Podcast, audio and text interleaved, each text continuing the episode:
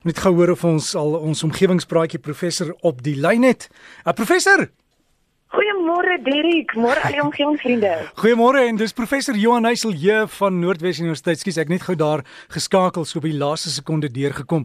Ons praat voort vandag oor die die stedelike beplanning maar ook die groen gebiede. Ons het laasweek daarin gepraat, heelwat terugvoer gehad en ek sien ook op die Facebook bladsy klomp navrae en terugvoer, né? Nee? Ja, Derek, nee verseker, dit is 'n kwessie wat 'n klomp mense aanraak, so ek gaan vanoggend graag bietjie verder gesels daaroor. En dan um, soos ons nou gesê het, dit dit gaan oor die ontwikkeling van ons oop en ons groen areas in ons stedelike gebiede en in ons dorpe. En ons sien regtig dis 'n toenemende kwessie. Na mate meer mense nou verstedelik en ons natuurlik aan behuisingsbehoeftes moet voldoen. Nou soos ons verlede week genoem het, is daar sekere riglyne wat nou vir ons sê watse persentasie van 'n woonbuurt gesoneer moet word as 'n groot as 'n groen oop area. Maar ons sien ook baie keer dat hierdie riglyne maar aangepas word of nie nagekom word nie. Want aan die een kant verstaan besluitnemers nie regtig hoe belangrike rol hierdie oop areas speel nie. Maar aan die ander kant en in baie gevalle sien ons hierdie areas is verwaarloos en hulle vervalle. So dit gee die persepsie dat ons dit dalk maar eerder kan gebruik vir 'n ander grondgebruik. Maar nou wat ook al die motivering daar agter, wanneer die plaaslike raad hierdie dorpsbeplanningsskema wil wysig en hierdie areas nou wil ontwikkel, dan moet hulle amptelike prosesse volg. Net soos wanneer enige iemand anders hulle eie grond of hulle eie erf wil hersoneer. So ek en my kollega Jaco Verheer hier by Stad en Streekbeplanning het in die week juis hieroor gesels en die feit dat ons eintlik drie groot prosesse wat moet plaasvind voor so groot oop area ontwikkel kan word. Nou eerstens, die publieke area moet amptelik gesluit word en dit is basies 'n groot administratiewe proses. Dan tweedens moet hierdie area gehersoneer word en wat dan ook al beplan word op hierdie area moet dan in meeste gevalle um, deur 'n derde groot proses gaan, naamlik 'n omgewingsimpakstudie. Maar Derek, ek wil vandag bietjie stil staan by die tweede deel, so die proses van die herzonering. Nou herzonering beteken dat daar amptelik aansoek gedoen word om die grondgebruike van 'n spesifieke area te gaan verander en dit moet gepaard gaan met 'n volledige motivering oor hierdie voorgenome ontwikkeling. So die motivering moet aantoon waarom hierdie verandering nodig is hoe hierdie grondgebruikverandering gaan inpas in die bestaande grondgebruike van hierdie area, hoeveel dienste en infrastruktuur benodig word teenoor hoeveel daar beskikbaar is en wat die impak van hierdie ontwikkeling sal wees op die dorp en op die groter area. So basies moet die ontwikkelaar motiveer dat hierdie ontwikkeling volhoubaar en wenslik is. Maar ons ook 'n deel van hierdie proses van herzonering um waar persone wat geraak word deur hierdie ontwikkeling in kennis gestel moet word en tyd gegee moet word om kommentaar te kan lewer of beswaar te kan maak. So afhangende van die dorp of die stad se verordeninge moet daar 'n kennisgewing op hierdie grond of hierdie perseel geplaas word en dit moet ook in die plaaslike koerant geaksepteer word. En hierdie kennisgewing moet dan nou kontak besonderhede toon van waar persone besware kan deurgee en vir hoe lank hierdie kommentaar tydperk is. En daar is ook baie keer publieke deelname prosesse waar inwoners vrae kan stel en kommentaar kan lewer. En dit is nou juist hierdie deel van die proses waar ons kommentaare kan gee wat regtig baie belangrik is en waar ons as omgewingsvriende baie groot bydrae kan lewer. So ek weet baie keer dan dink ons ons een of twee stemme of besware gaan nou nie regtig 'n verskil maak in die massas nie. Maar ons as omgewingsvriende kan regtig nie bekostig om langer so daaraan te dink nie.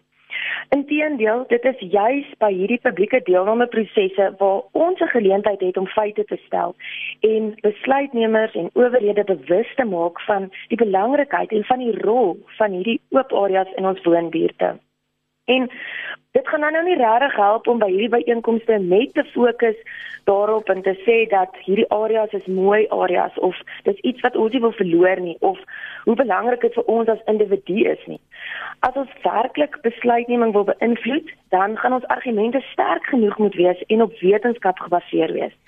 So ons gaan regtig ons huiswerk moet doen en ons gaan moet verstaan wat is die biodiversiteit van die area of die ekosisteemdienste wat hierdie area bied En dan um, daar's natuurlik indirekte voordele van hierdie groen areas wat ons kan kwantifiseer, soos gesonder gemeenskappe of meer aktiewe inwoners of beter kohesie tussen mense, meer produktiewe werkers of hoër huispryse en waardes van woonbuurte wat vir die plaaslike bestuur 'n direkte ekonomiese inspuiting kan wees.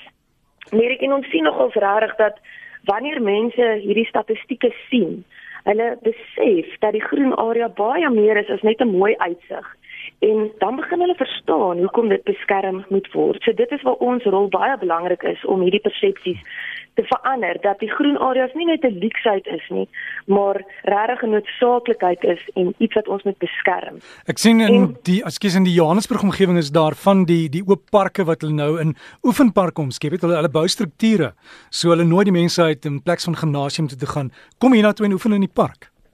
Dit is wat Derek, dit is juist wat ek wil sê, daar's regte gevalle in ons land waar hierdie groen areas baie mooi opgepas word en regtig onderhou word.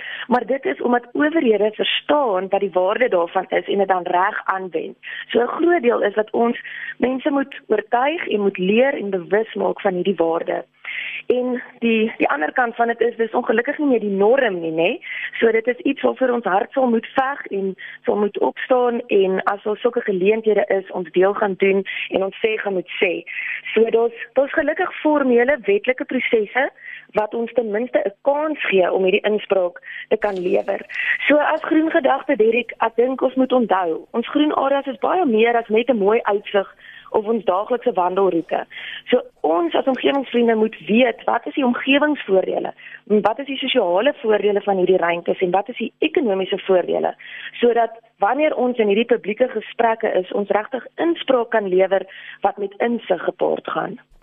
En wanneer dit kom by die wetlike aspekte as jy nou in jou omgewing begin of in jou dorp of in jou stad, wat is jou eerste stopplek want want baie keer weet die die politiek en dit wat ons doen in die in die voorstede kom nie by mekaar uit nie. Dit is so Derek, maar dit is hoekom ek sê ons moet dophou wanneer is hierdie deelname prosesse in die kommentaar tydperk.